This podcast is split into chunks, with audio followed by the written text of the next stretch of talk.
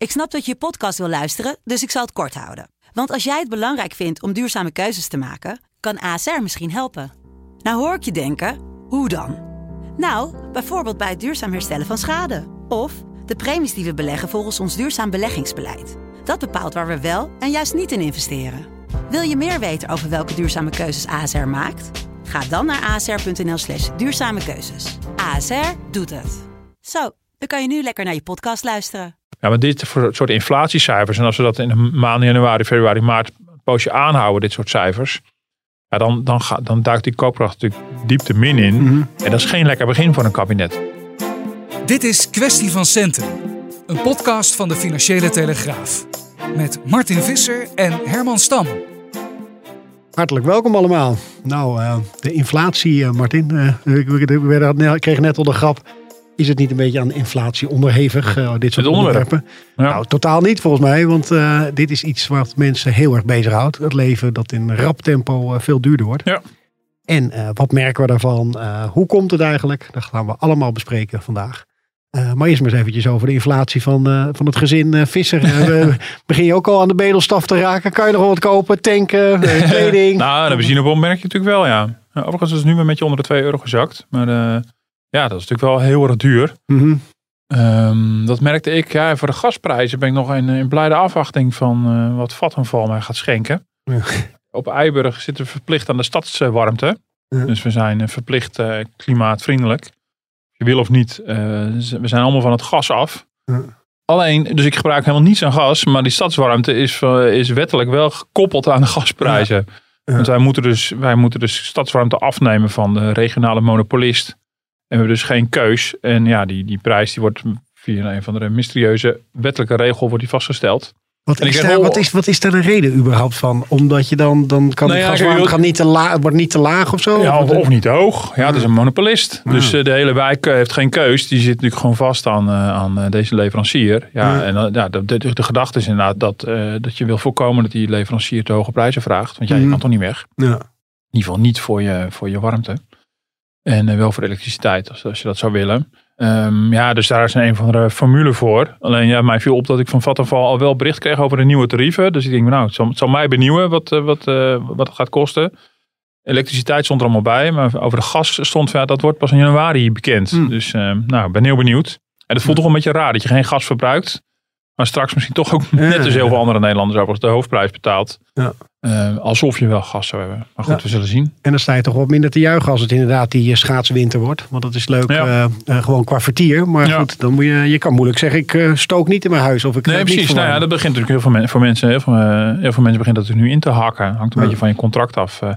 Mensen met een variabel contract hebben we natuurlijk al lang gezien. Maar mensen waarvan het contract nu eh, vernieuwd gaat worden. Mhm. Ja, die zullen natuurlijk wel benieuwd zijn wat de nieuwe tarieven gaan worden. Want ja, we hebben het over inflatie. Maar de, ja, de energie, het gas is het echt het overgrote deel. eh, dat is echt de grootste boosdoener op het moment van Ja. die eh, hoge inflatie. Ja, en merk je ook voor jezelf persoonlijk, je gaat, we gaan natuurlijk allemaal veel minder naar het café en naar restaurants, maar dat je daar iets ziet in de prijs of in de kleding.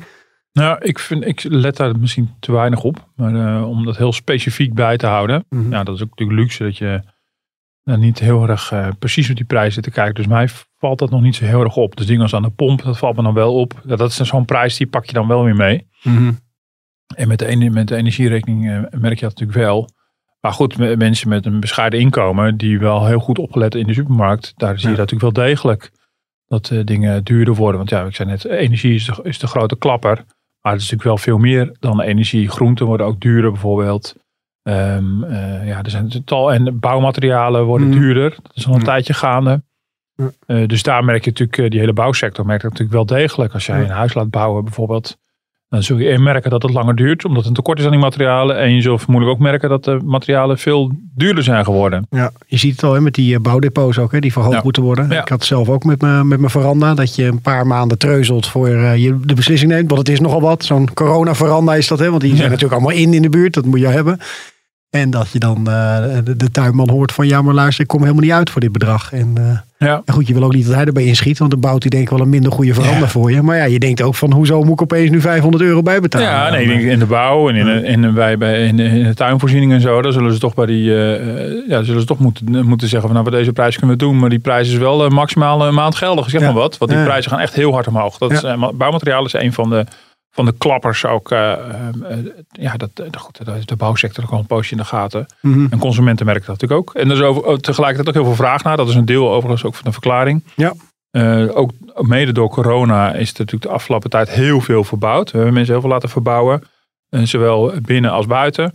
Ehm, dus, dus ja, hartstikke goed voor die ondernemers natuurlijk. Mhm. Maar dat heeft ook wel voor een extreme vraag uh, gezorgd. En dat leidt dus ook tot tekorten en ook tot prijsstijgingen. Ja, gaan we het straks ook over hebben van hoe die centrale banken daarnaar kijken. Want die voorspellen van nou, op een gegeven moment gaat het weer wat afnemen. Ja. Maar eerst maar eens eventjes gewoon een beetje uh, back to uh, basics. En misschien voor de, alle luisteraars. hoe, hoe werkt dat eigenlijk met inflatie? Hoe, hoe houden ze het bij? Hoe, hoe weten we dit? Want we, zitten op een, we zitten op een historisch moment. Ja, we zitten op een historisch moment. Nou, CBS, even de cijfers. CBS heeft deze week bekendgemaakt dat eh, de, de consumentenprijzen in de maand eh, november 5,2% hoger waren dan een jaar geleden.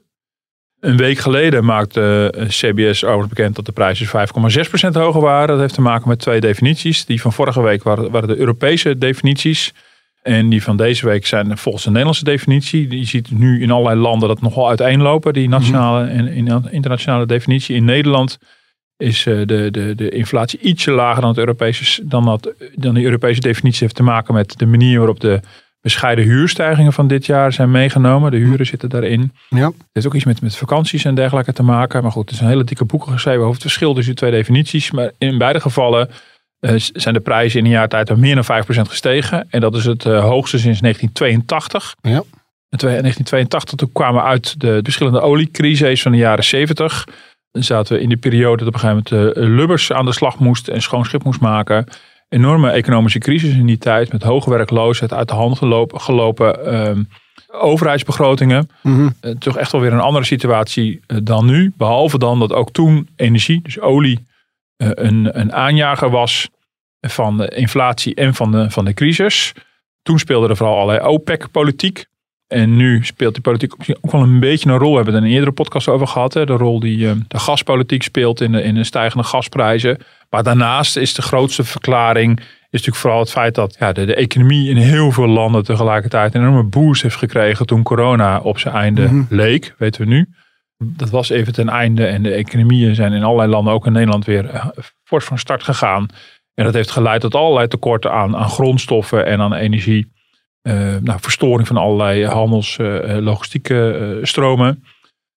Um, nou, daar rollen dan deze hoge inflatiecijfers uit, die echt ongekend zijn. Want de, inflatie heeft ook mee te maken dat er gewoon eigenlijk meer vraag is dan aanbod. Ja, en ja er is heel veel vraag. En uh, dat zorgt voor verstoring van die productieketens. Uh, en dat zorgt, zorgt inderdaad ook voor stijgende, stijgende prijzen. Mm dat is ook de, de reden waarom ja, tot voor kort de meeste economen dachten, dit is ook weer op een gegeven moment weer voorbij. Dit is allemaal tijdelijk. Dan komen we misschien zo op terug. Daar zijn steeds meer eh, twijfels over. Mm -hmm. In ieder geval het CBS-cijfer van deze week was 5,2 procent. Dat was weer duidelijk hoger dan, uh, dan het cijfer van een maand geleden. Dat, dat zat boven de 3 uit mijn hoofd. Uh, en wat het CBS doet, die, uh, die, die, die, noteren alle prijzen via enquêtes en uitvragen en dergelijke. Um, um, en die maken een soort mandje mm -hmm. van wat een gemiddelde consument besteed. Vraag me niet uh, hoe het mandje er exact uitziet, maar dat is allemaal op de site van de CBS ook maar terug te vinden. hetzelfde mandje. Ja, er is een mandje ja, ja. en af en toe wordt het aangepast als ze, als ze op basis van onderzoek denken van hé, hey, dat mandje klopt niet helemaal meer. Mm -hmm. En dat betekent dus dat uh, uh, ja, de, de, de, de prijs van het ene product zwaarder meeweegt in het inflatiecijfer dan de prijs van het andere product. Nou, dingen als als energie, die telt natuurlijk relatief zwaar mee. Dat zit ook allemaal bij de, de, de vaste woonlasten, zeg maar. Mm -hmm. De benzineprijs zit weer in het, onder het kopje vervoer. Nou, dan worden de, de, de voedingsmiddelen voor een bepaald percentage meegeteld. En, en zo zie je dus dat, dat allerlei posten voor een bepaald percentage meetellen en opgeteld tot 100%. Dat representeert dan ongeveer het gemiddelde boodschappenmandje. Zeg ik het allemaal heel huiselijk voor een gemiddelde consument. En dat kan dus per persoon dus heel erg verschillen. En dat, is wel, dat is wel relevant. Mensen ja. met een lage inkomen zijn in verhouding veel meer kwijt aan, uh, aan de, de basale levensbehoeften. Mm -hmm. Die zijn natuurlijk heel veel kwijt gewoon aan hun huur en gas, water, licht en de boodschappen. Terwijl mensen met hogere, hogere inkomens uh, ook financiële ruimte hebben om naar het restaurant te gaan. Uh, de, de, weet ik veel, uh, apparatuur te kopen. Mm -hmm. um, maar daar houdt het CBS-inflatiecijfer geen rekening mee. Dat is gewoon een cijfer dat gemiddeld voor iedereen geldt. Ja. En houden ze dan ook rekening mee van, joh, uh, nu rijden we natuurlijk wel minder uh, door in coronatijd. dan dat die benzineprijzen ook nu op dit moment iets minder impact hebben. Maar dat ja. je misschien als we allemaal weer wat meer naar werk en zo gaan, dat je dan helemaal nog extra de klos bent. Nou, zo, zo, nee, ze gaan niet, ze gaan niet elke, elke paar maanden dat bijstellen. Omdat, mm. en, dan moet ik ook wel zeggen dat dit natuurlijk een bijzondere crisis is de coronacrisis. In die zin, ja, het is echt een ander soort economische crisis dan een normale economische crisis. Het is een crisis waarin we ook ons gedrag ja, vrijwillig of gedwongen zijn gaan aanpassen. Ja, daar, daar gaan de statistici niet elke keer. Want dan zou je bij wijze van spreken in een lockdown tot een andere inflatiedefinitie moeten komen dan buiten een lockdown. Ja, ja, het is wel bijna wat er gebeurt. Zeker, dat is ook wel, dat is wel zo. En uh, het is ook zeker zo natuurlijk dat, ja, dat de benzineprijzen bijvoorbeeld de afgelopen periode zijn enorm zijn gestegen. En dat tegelijkertijd heel veel mensen ook thuis hebben gewerkt, daar dus in die zin minder last van hebben ja. gehad. En wel de energieprijzen daardoor omhoog gaan. Ja, de energieprijzen gaan weer omhoog. Ja. Dus nee, maar het is niet zo dat ze dat per maand op die manier fine-tunen. Mm -hmm. uh, het is in die zin geen koopkrachtplaatje waarbij je probeert echt een beeld te geven van, um, van de echte actuele werkelijkheid. Uh, het is, dus ja, dat, dit zijn definities die langjarig meegaan. Dat maakt ook die cijfers onderling vergelijkbaar. Ja, en die, en die twee bedragen, of die twee percentages die je noemt, Waar houdt uh, Nederland dan rekening mee? Want je hebt dan die Europese cijfers en die ja. Nederlandse cijfers. Maar op een gegeven moment gaan wij natuurlijk als bevolking roepen: Hallo, ja. uh, dit loopt uit de klauwen, we willen iets gecompenseerd krijgen. Ja, hiervoor. nee, zeker. Nou, dat is in die zin ook wel een beetje verwarrend. Want normaal gesproken wachten wij even, dat is over de, de journalistieke keuze, wachten we altijd braaf tot het CBS een persbericht uitgeeft. Dat hebben ze deze week gedaan. Inflatie 5,2. Maar wat we weten is dat uh, de, de, Eurostat, het Europese Statistisch Bureau, die komt altijd een, een week eerder met de cijfers. Mm -hmm. En daar zit de uitsplitsing per land ook al onder. Alleen is die andere definitie. En dan zie je ook in de krochten van de CBS-site wordt het ook ergens gepubliceerd zonder persbericht. Mm. Wij hebben bijvoorbeeld vorige week voor gekozen om groot uit te pakken met dat cijfer. Ja. Omdat dat misschien niet helemaal het, uh, het, het, het, het, ja, het cijfer is waar CBS normaal gesproken mee naar buiten komt. Ja, je wilt toch, je gaat niet een week zitten wachten tot CBS denkt van nou, nu gaan we zo'n persbericht uitdoen met onze definitie. Um, en dan, ja, dat is wel verwarrend, want CBS komt dus met die 5,2 procent. Maar bijvoorbeeld het Centraal Planbureau heeft in zijn ramingen, kijkt ze naar, naar die andere, die 5,6 procent. Um, dus eigenlijk vind ik die voor de vergelijking wat relevanter. Want ja, de, de, de ramingen van het Planbureau met Prinsjesdag zijn gebaseerd op, uh, op die Europese definitie. Uh, dus de koopkrachtplaatjesdoorberekening gaat ook op die basis. Uh, nou, ik laat aan de statistici welk cijfer van de twee het beste is. Dat zal me verder mm. op dit moment eerlijk gezegd worst wezen. De, de, richting is gewoon hetzelfde. En ik vind het wel relevant om te kijken van, ja, als je wil kijken, komen de raming van het Centraal Planbureau wel of niet uit? Ja, dan moet je gewoon kijken naar het cijfer dat het planbureau hanteert. Overigens, en dat is dus wel relevant, die hebben dus in hun ramingen staan dat de inflatie dit jaar 1,9% zou zijn. Dat is over een heel jaar. Mm. In de maanden juli, uh, met name juni, juli was de inflatie veel lager. Dus het is niet zo dat we nu afsteven op een jaarinflatie van 5%. Want als je dan vervolgens kijkt over, over het hele jaar, dan moeten we de maand december er nog bij gaan krijgen. Maar is de verwachting dat de inflatie over dit hele jaar ongeveer op 2,7, 2,6, 2,7 zou uitkomen. Ja, dat is echt fors hoger dan die 1,9. Dat is bijna een vol procent. Mm. Nou, dat klinkt heel weinig, maar als jij minder dan 2% inflatie raamt en het is bijna, het is bijna 3%, is dat een fors uh, verschil. Ja, nou kijk je naar het koopkrachtplaatje voor dit jaar, wat gemiddeld 0,8% is. Uh, nou, dan blijft er van die 0,8 niet zoveel meer over. Dus een ja. koopkrachtverlies. We waren natuurlijk heel bezorgd over de koopkracht van volgend jaar. Vanwege die gestegen energieprijzen. Nou, de Tweede Kamer heeft ingegrepen in oktober. Maar de koopkracht voor dit jaar pakt al heel veel negatiever uit. Omdat de prijsstijging gewoon nu heel erg hard gaat. Ja, en kan je dan ook zeggen, want je, ik snap dat van zo'n mandje, maar uh, dat eigenlijk het wel meevalt met die inflatie als je de benzineprijzen en energieprijzen eigenlijk daaruit weg zou strepen. Dat het op, op andere ja. vlakken wel nog, nog, nog, nog ja. redelijk binnen ja. de bandbreedte is. Nee, zeker. Dat, dat zou je kunnen zeggen. Uh, daarom zeg ik ook, de, de energie uh, is echt de grootste boosdoener, zeg maar. Mm. En dat, maar niet alles. En daar zit precies ook de discussie over wat is, wat is tijdelijk en, en wat gaat langer duren. Daar zit ook de zorg van centrale markeers bijvoorbeeld, waar we het straks ook wel over gaan hebben. Ja, die, die, de extreme uitschieters zitten vooral bij energie. Ik, zag een van de energieposten 40% hoger dan een jaar geleden. Dat gaat echt een enorme uitschieter. Dus dat, dat appt op een gegeven moment ook weer weg. Sowieso zal je een statistisch effect hebben als je volgend jaar gaat kijken. Volgend jaar in november bijvoorbeeld. Dat vergelijk je weer met deze, deze afgelopen november Ja, dan is de prijsstijging valt misschien wel mee. Misschien heb je op energie zelfs dan al een prijsdaling. Dus het zal die Mhm. inflatiecijfers drukken. Maar het gaat natuurlijk om wat er onderliggend gebeurt. En bijvoorbeeld in Europa, bij de centrale bankiers, kijken ze om die reden bijvoorbeeld kijken ze naar de kerninflatie. En dan halen ze uit de, de gewone inflatiecijfer, halen ze de energie halen ze eruit, omdat die nogal kan fluctueren. Mhm. Niet zo extreem als nu, maar die fluctueert altijd. Ze halen de voedingsmiddelen uit, ze halen tabak eruit en alcohol eruit. Eh, en dan hou, je een heel kaal cijfer over. En die kerninflatie is eh, inmiddels in Europa, in de eurozone, 2,5 procent. Dat is wat minder schrikbarend. Maar hij komt van onder de 1 nog afgelopen dit jaar. Dus in een paar maanden tijd is hij van onder de 1 naar 2,5 gestegen. Ehm, en dat is toch een aanwijzing dat er meer aan de hand is dan alleen maar een tijdelijke schok op de energiemarkt. Ja. En eigenlijk, eh, wij schrikken ons te pletten van een, van een inflatie van meer dan 5%. Maar de centrale bankiers die zich al te pletten van die 2,5% van die kerninflatie. Dus als het goed is schrikken ze te pletter. Want zij zijn degene die inflatie in de hand eh, kunnen houden. Mhm. Eh, dus je ziet dus dat er, even afgezien inderdaad van eh, gekke fluctuaties rondom energie, wel degelijk ook nog iets anders aan de hand is. En daar zit de zorg, ja, is een, een deel daarvan misschien wel langdurend, langdurig in plaats van dat het ergens in de komende maanden weer weg hebt. Ja, helder. En, ja, en voor die tijdelijke zou je eigenlijk bijna kunnen zeggen van Poetin kan meer doen voor onze koopkracht dan eh, premier Rutte. Als hij daar toch iets eh, in nou ja, dat- dat- dat- ze, ze hebben al meer dan 3 miljard uitgetrokken eh, door met de energiebelasting wat te gaan rommelen. Dus, Mhm. dus alle huishoudens worden gemiddeld met 400 euro gecompenseerd. Dus dat kan een kabinet degelijk ook doen, maar zeker. dus de, de geopolitiek speelt natuurlijk ook een rol. Ehm, maar er is nog wel een andere factor ook, die is nog goed even om te noemen. Eh, je kan kijken naar wat gebeurt met de inflatie als je even de energie zo eruit haalt. Dus dat is een aspect. Maar die energie is ook weer niet helemaal. Ik bedoel, ja, die moet uiteindelijk wel betalen. Bedoel, en hopelijk is dat dan maar voor korte duur.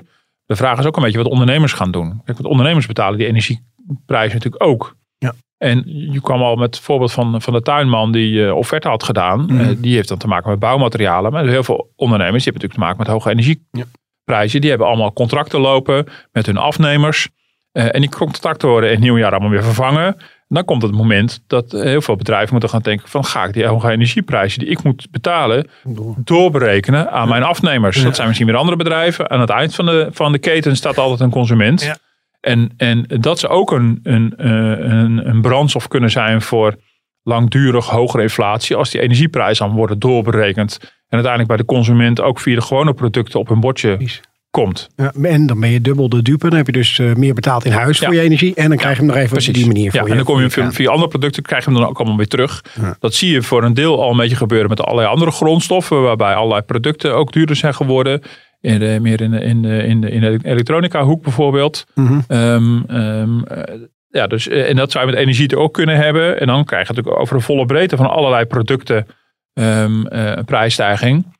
En ehm, ja, dat, dat zou kunnen gebeuren. En als dat zo, als, dus als die energieprijzen langduriger aan de hoge kant blijven en het wordt in toenemende mate doorberekend aan de consument, ja, dan zal inderdaad die consument of de werknemer of de gepensioneerde een compensatie gaan Ja. vragen. Dan wel aan een kabinet, dan wel aan zijn, aan zijn werkgever. Ja. Ehm, eh, ja, en goed, en dan krijg je natuurlijk die spiraal op gang. Maar die Ehm, compensatie zit toch eigenlijk, eh, daar, daar kan al lang wat aan gedaan worden. Want we hebben geloof ik een van de hoogste accijnsen bijvoorbeeld op benzine in, in heel Europa of misschien wel de wereld. Dat weet ik eigenlijk niet eens. Ja. En eh, onze, onze energierekening zit ook een heel groot stuk Ja. eh, BTW op. Wat heel veel mensen vergeten. Die denken gewoon, het is één op één die benzineprijs of die energierekening. Maar ja, zit, nee, de energierekening zit ook een energiebelasting op. Er zit een btw op. Op de benzineprijs zit inderdaad accijns op.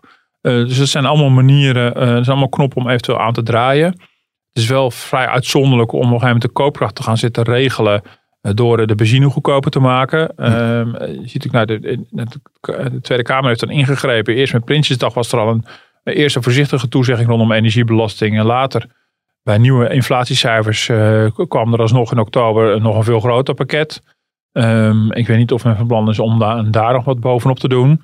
En nu is vooral, ja, politiek gezien, vooral de vraag: als deze inflatie inderdaad langer aanhoudt, misschien moeten we dan even los van energiecompensatie of, of, of het kwartje van kok of in die hoek, gewoon misschien op een andere manier eh, koopkracht repareren. En dat is wel, het is natuurlijk een politiek precair moment, omdat er natuurlijk eh, eh, ja, ergens in de komende weken naar verwachting een nieuw kabinet op het bordes staat. Mhm. En ja, die gaan dus beginnen met hele fletse koopkrachtcijfers. Dus misschien wel echt hele wel koopkrachtcijfers diep in de min. Ik weet niet zo goed wat die 400 euro aan, aan energiebelasting die gecompenseerd werd, wat die precies voor de koopkrachtplaatjes zouden gaan doen. Want de koopkracht zou 0,1% stijgen volgend jaar. Ehm, dat is, dit was bedoeld om, om te zorgen dat het niet diep in de min zou komen. Ja, maar dit voor soort inflatiecijfers. En als we dat in de maanden januari, februari, maart een poosje aanhouden, dit soort cijfers. Ja, dan, dan, ga, dan duikt die koopkracht natuurlijk diep de min in. Mhm. En dat is geen lekker begin voor een kabinet. Dus daar, ik ben benieuwd of ze, daar, of ze daar al mee bezig zijn. Misschien doen ze er daarom zo lang over. Dat ze dat nog... Ja, nou, dat, weet, dat weet ik niet. Maar het is ook best wel lastig om daar nu op te beslissen. Omdat je natuurlijk niet zo goed weet hoe groot dat effect zal zijn en hoe lang het zal duren. Mhm. Uh, maar ja, tegelijkertijd kan me voorstellen dat een nieuw kabinet ook niet elke maand uh, weer in een spoeddebat wil staan. Uh, omdat er weer een nieuw inflatiecijfer bekend Ja. is. Dus uh, ik zou me voor kunnen stellen dat ze heel graag willen. dat uit de doorrekening van straks een nieuw regeerakkoord blijkt. dat ze zodanig belasting hebben verlaagd, bijvoorbeeld. eh, dat, eh, dat de koopkrachtplaatjes toch wat beter worden. Maar Mhm. dat, dat, dat, nou, dat zal een beetje moeten blijken. Ja. En als je het dan vergelijkt eh, met de rest van Europa, want staan we dan zelf van de kop met inflatie? Nou, we zitten wel boven Europees gemiddelde. En, want de Euro het eurozonecijfer was di- dik 4,5% En wij zitten dan op 5,6. Maar bijvoorbeeld Duitsland en België hebben ook hele hoge inflatie. Overigens ook hele grote verschillen tussen dat nationale cijfer en het Europese cijfer. Ehm, dus, eh, dus we zijn zeker niet alleen. Maar we zitten nu wel eh, in de kopgroep. Ik vind het wel moeilijk om daar een conclusie aan te verbinden hoor. In de zin van nou dat komt omdat, nou misschien komt het omdat onze economie ook in de kopgroep zit. Dat zou een Mhm. rol kunnen spelen. Het heeft ongetwijfeld ook met de structuur van je economie eh, te maken. Ik vind het wel moeilijk om daar een oordeel over te geven dat we iets beter of slechter zouden doen. Maar ehm, ja, nee, je ziet dus wel dat het een hele eurozone natuurlijk bal is op de, Ja. wat, eh, wat, eh, wat dit betreft. Nee, maar ook omdat je in sommige Europese landen al die reparaties ziet op een Dat gaat bij ons dus ook gebeuren. Maar dat je ook in eh, Spanje ziet met die btw-tarieven die naar Ja, beneden gaan en ja. zo. Dat je daar misschien Precies, al ja, dit zie je natuurlijk niet in inflatiecijferen. Dat, is, dat, dat zal in de koopkrachtcijfers blijken. Mhm. Ik weet niet hoe goed het Spaanse Centraal Planbureau is in het doorrekenen van koopkrachtplaatjes. Nee. Eh, klinkt als iets heel Hollands. Puntenwolkjes. Ja, punt, puntenwolkjes, ja. Dus Ja. eh, eh, eh, nou, dat- ik, weet- ik, weet- ik weet Nee. niet of ze die hebben. Mhm. Ik, eh, eh, nee, dat, dat, weet ik niet. Het is echt wel En, een heel Hollands ding, hè? Ja. dus ik denk ook wel om de, de manier waarop wij dat doen is misschien heel, heel Nederlands. Maar gewoon de wens om gecompenseerd te worden voor de stijgende kosten van levensonderhoud eh, is eh, denk ik heel universeel. Mhm. Daar zijn we niet uniek in. Maar eh, nee, dus je ziet wel meer landen daarmee worstelen. Nou goed, eh, toen, toen, we met, toen de Tweede Kamer bezig was met die energiebelasting, eh, heeft het kabinet er ook even een aantal dagen op gewikt en gewogen. En toen werd er bijvoorbeeld ook naar Frankrijk gekeken. hè, Van, van, daar was, ook men, was men al bezig geweest met de compensatie. Het was even de vraag, van, gaan we alle, alle consumenten dus via de energiebelasting compenseren? Of ga je een soort, soort plafond in de markt leggen voor de, voor de energieprijzen? Ehm, dus dan moet je eigenlijk de energiebedrijven compenseren, ehm, zodat die een lagere prijs doorberekenen Mhm. aan de consument. Het voordeel daarvan zou zijn geweest ehm, eh, dat je zorgt dat de energieprijs op je rekening gewoon beperkt blijft. En dat je dus alleen maar daar compenseert waar ook die hoge lasten zijn. Moet je wel dat allemaal met die energiebedrijven regelen. En nu krijgt iedereen gewoon eh, die compensatie. Eh, ook de mensen die eigenlijk de compensatie helemaal niet nodig hebben. Dus het is een heel ongericht en daardoor erg duur middel. Eh, wat het kabinet heeft ingezet. Maar misschien wilden ze gewoon heel snel korte metten maken met deze, deze discussie. Ja. En wat ga ik er zelf van merken? Hoeveel ga ik eh, aan korting krijgen eigenlijk? Ja, dat hangt er, ja, dat hangt dus heel erg van, jou, eh, van jouw eigen energieverbruik en zo af. Bedoel, ehm, eh, eh, ja, er wordt steeds gezegd, je ziet overal terug dat het ongeveer 400 euro per huishouden is. Maar dat, dat gaat allemaal uit van gemiddeld verbruik. En ehm, het is wel lastig vergelijken, moet ik zeggen, wat, wat, wat elke site, een, een energievergelijker of een Nibud, of, heeft een iets andere definitie van wat een gemiddeld verbruik is. Eh, en dat hangt ook weer van je energiecontract af. Dus dat is, vind ik heel moeilijk om in zijn algemeenheid, eh, om in zijn algemeenheid iets Nou, heel ik specifiek te gewoon even die 400 euro die ik dan eh, Ja. bij jou aankloppen Ja. als het niet Kijk, ik had ook Oh. even enige hoop dat ik die 400 euro kon incasseren en dat ik verder geen gas verbruik, dus nergens last van zou Ja. hebben. Maar ik denk dat, dat die vlieger voor mij niet opgaat. Maar ehm, ja, ik weet het bijvoorbeeld niet of stadswarmte op een, op een andere manier gekoppeld is aan die gasprijzen. Dat, dat ik iets minder pijn heb en meer het profijt ervan heb. Wat heel onlogisch zou zijn. Mhm. Maar ehm, ja, er zullen mensen hier spekkoper zijn. Die Mhm. in verhouding eh mindere stijging hebben. En, eh, en wel dat incasseren. Ja. Maar, ook, ik bedoel, eh, maar dat is ook de vraag hoe dit uitpakt voor inderdaad hoe je woont. Hè. We hebben het er vaker over die doorwaaiwoningen gehad. Mensen die in sociale huurwoningen wonen, die allemaal nog niet goed geïsoleerd zijn en dergelijke. Mensen met lagere inkomens. Die in verhouding tot hun inkomen relatief veel aan energie kwijt zijn. Uh, of oudere mensen die gewoon uh, vanwege de leeftijd gewoon uh, de thermostaat een graadje hoger willen zetten om het een beetje comfortabel te houden. Die hele dagen thuis zijn versus mensen die nog wel gewoon buitenshuis aan het werk zijn. Dus er kunnen enorm verschillen zijn tussen, tussen het verbruik per, per huishouden. En ja, dan kan de ene misschien meer dan ruimschoots gecompenseerd zijn door deze maatregel. En de andere toch flink bij inschieten. Ja. Dus er zullen best wel klappen vallen her en der hoor, denk ik. Ja. Hey, uh, dan even naar de, de, de tijdelijke inflatie of permanent. Van wanneer, ja. als het heel lang tijdelijk is, wanneer wordt dat uh, permanent eigenlijk? Ja, Want ja die, dat wordt een beetje semantisch. Hè? Dat is wel... Um, dat is natuurlijk wel grappig, want dat zie je ook uh, in de uitingen van de Europese Centrale Bank. Christine Lagarde, de president van de Europese Centrale Bank, zei een tijdje geleden na een reguliere rentevergadering al van, uh, er waren maar drie onderwerpen besproken, was inflatie, inflatie en inflatie. Mm. Maar de inflatie zal tijdelijk zijn. Nou, als het on top of mind van al die centrale bankiers is, dan is er natuurlijk iets aan de hand. Ja, en de verwachting was A, dat het niet zo hoog zou oplopen en dat we misschien al een beetje over de piek heen zouden zijn. En inmiddels zie je iedereen schoorvoetend uh, toegeven. Nou, misschien gaat het toch allemaal wat langer duren dan gedacht. Maar het is een beetje semantisch. Wat, ja. wat is nou permanent en wat is tijdelijk? Kijk, en ik denk dat heel veel centrale bankiers die kijken op een gegeven moment ook naar of de hoge inflatie ja, zich gaat, uh, gaat verankeren dat, uh, in de verwachtingen. Dat is dan een beetje de terminologie die ze vaak gebruiken. Dat het op een gegeven moment tussen de oren komt. Mhm. Mm -hmm. Dat wij met z'n allen, ondernemers en consumenten, ervan uitgaan. Oh, die prijzen die gaan voorlopig nog wel blijven stijgen. Want dan ga je er ook naar handelen. Dan worden die contracten tussen bedrijven ook aangepast. Dan heb je de neiging om het door te gaan berekenen.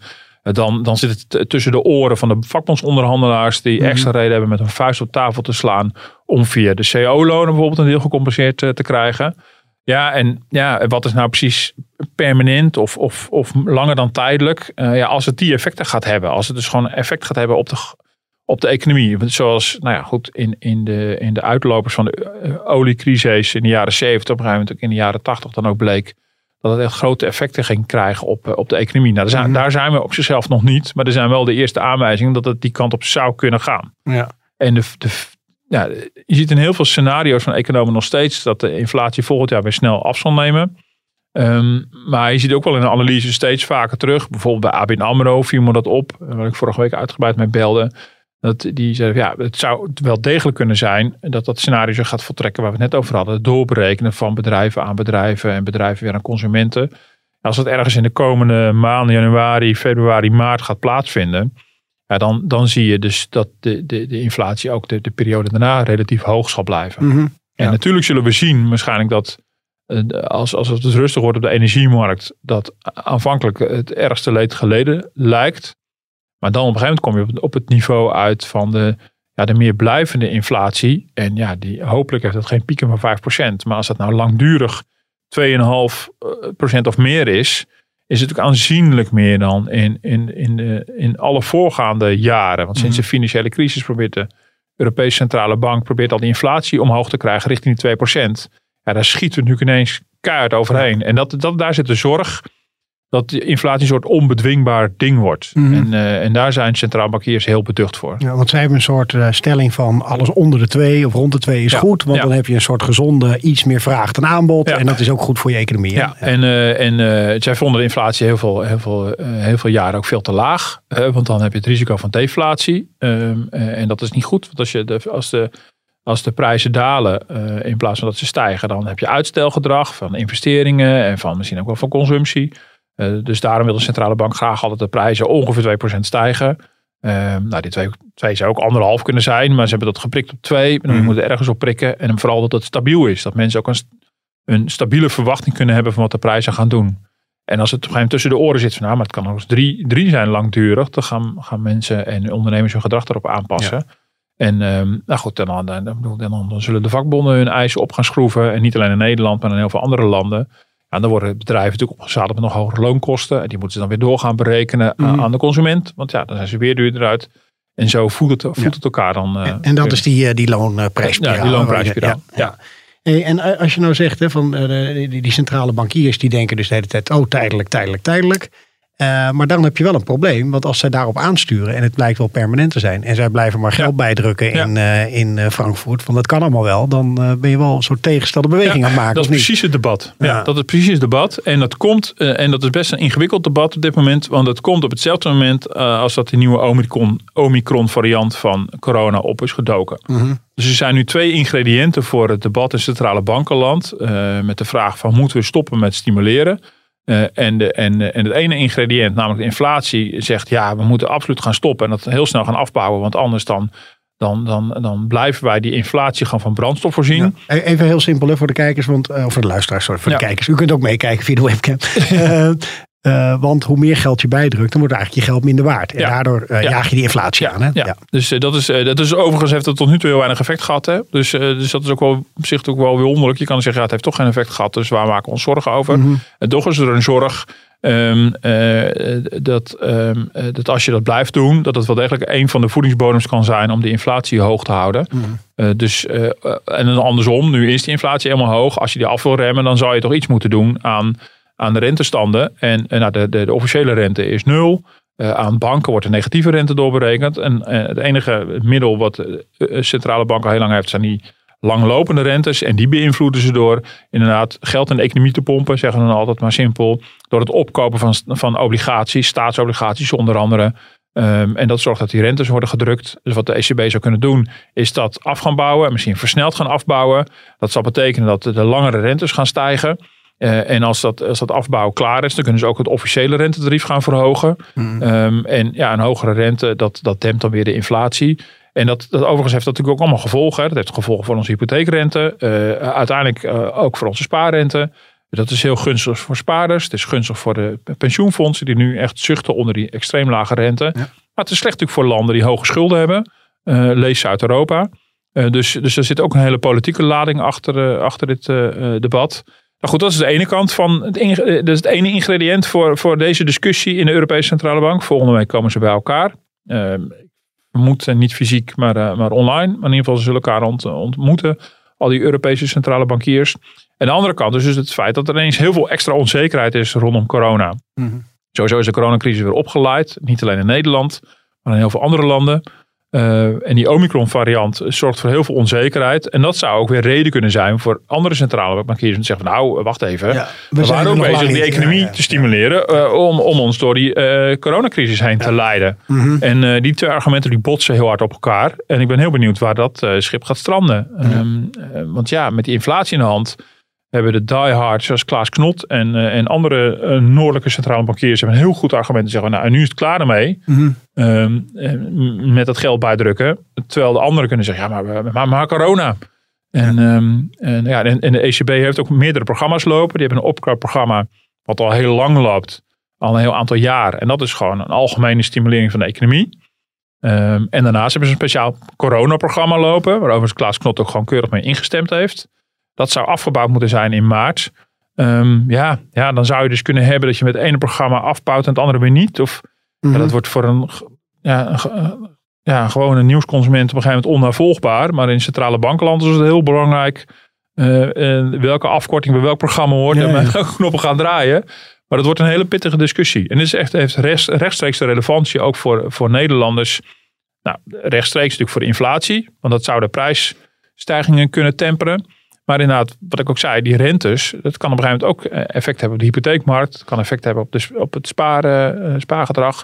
Het kan van belang zijn voor Hoekstra, die misschien dan niet meer gratis leent, maar toch voorzichtig ook weer een beetje rente moet gaan betalen. Ja. Dus het heeft grote implicaties als je ECB deze stappen gaat zetten. En, en verwacht je nog iets, want we kijken ook altijd heel erg naar Duitsland. Hè? Die hebben een nieuw kabinet. Ja. Uh, gaat dat iets uh, uitmaken voor hun positie? We lopen vaak met z'n hand in hand uh, Ja. in dit soort dossiers. Maar... Ja, nou, dat weet ik niet zo goed. Kijk, eh, de, de, de, de- er moet ook een opvolger van Jens Meitman komen. Mhm. Maar nou ja, kijk, eh, Merkel was natuurlijk ook heel pro-Europees. En de nieuwe Olaf Scholz is ook eh, bedoeld. Dus ik denk dat in het Europa-beleid op dit vlak niet per se meteen grote verwachtingen, ver- veranderingen te verwachten zijn. En het gaat hier echt om wat de Bundesbank vindt. Nou, eh, en de Bundesbank zit toch wel meestal in het kamp van de Nederlandse bank. Of eigenlijk meer andersom. Ja. Natuurlijk anders, Maar, maar je maakt ons wel heel groot. Precies, nee, dat is ook een beetje de, de muis die tegen de olifant zegt, wat, wat stampen we lekker. Maar ehm, eh, nee, wij zitten in het kamp van de Bundesbank, doorgaans. En die zitten natuurlijk wel in de, in een voorzichtige hoek. En de verwachting is toch wel dat welke opvolger voor Jens Weidman, de Duitse Klaas Knot, er ook komt. Ja, die zullen toch altijd wat conservatief zijn, wat voorzichtiger. En ook willen uh, dat, dat de, de stimuleringspakketten op een worden afgebouwd. Ja. Hey, hoe zit je zelf, uh, want je bent ook econoom. Hoe zit je nou zelf in die discussie? Is het nou tijdelijk of uh, wordt het ja. permanent? Nou, misschien kan ik me dan beroepen op uh, een uitspraak van de grote Klaas Knot. Die zegt mm. van, we weten misschien meer niet van de inflatie dan wel. Oh, kijk. Wat ik al heel beangstigend vind. Want, uh, want hij en die andere centrale bankiers zijn baas van de inflatie. Zij gaan mm -hmm. daarover. Nou, ik vind dat eerlijk gezegd heel moeilijk om te zeggen. Mm. Um, um, zeker ook omdat nou, de econoom wordt altijd verwacht dat ze enorm goed kunnen voorspellen. Dus ik vind het al heel knap als ik begrijp wat er nu gebeurt eerlijk gezegd. In plaats van dat ik mijn glazen bol erbij pak. En ik heb ook niet een, enorm economisch bureau tot mijn beschikking. Of, of er moeten plannen zijn om, uh, om met DFT een eigen economisch bureau te beginnen. Er altijd plannen. Nee, maar ik probeer wel gewoon uit af te pellen van wat gebeurt hier nou precies. Mm. Aan de ene kant uh, moeten we ook niet gaan zitten panieken. Dat ook onze lezers, in dit geval onze luisteraars, ik, uh, helemaal in de gordijnen jagen. Om te mm. zeggen, nou 5%, dat wordt alleen maar meer. Mm. Dat, dat durf ik niet te zeggen. Ik zie natuurlijk wel degelijk al die tijdelijke effecten. Um, wel overigens heel raar natuurlijk dat we dus nu last hebben van prijsstijgingen. Doordat de coronacrisis economisch gezien voorbij is. Terwijl de coronacrisis gezien, de coronacrisis qua gezondheid natuurlijk helemaal niet voorbij is. Mm -hmm. um, um, ja, maar ja, tegelijkertijd kan ik me heel goed voorstellen dat die prijzen zo hard omhoog gaan. Dat ondernemers daar op een gegeven moment ook iets mee moeten. En dat gaan doorberekenen. En ja. En wat je natuurlijk wel ziet is ook dat... We helpen zelf eigenlijk ook mee door deze podcast over inflatie te doen. Ja, nee, zeker. Dus nee, dat is, dat is zeker. Wat ik zei natuurlijk ook van de zorg zit hem, zit hem vooral in als de inflatie tussen onze oren komt. Mm -hmm. En elke keer als we er aandacht aan besteden, dan draag je daaraan bij. Um, maar goed, ja, we moeten het ook gewoon, uh, we moeten het ook gewoon toelichten en uitleggen. We moeten in het nieuws brengen. Maar zeker, zo werkt het natuurlijk wel. En um, uh, dus dat is natuurlijk wel ja, zo werkt het ook wel. Dat, dat draagt ook bij aan die inflatieverwachtingen. Overigens, als we deze podcast niet zouden maken, zouden mensen ook in de gaten hebben dat de prijzen stijgen. Mm. Um, um, maar wat je bijvoorbeeld ziet in Nederland, is dat de FNV, uh, die altijd de dag voor Prinsjesdag met zijn nieuwe loonhuis komt, voor, voor deze keer een heel oud middel van stal heeft gehaald, namelijk de automatische prijscompensatie.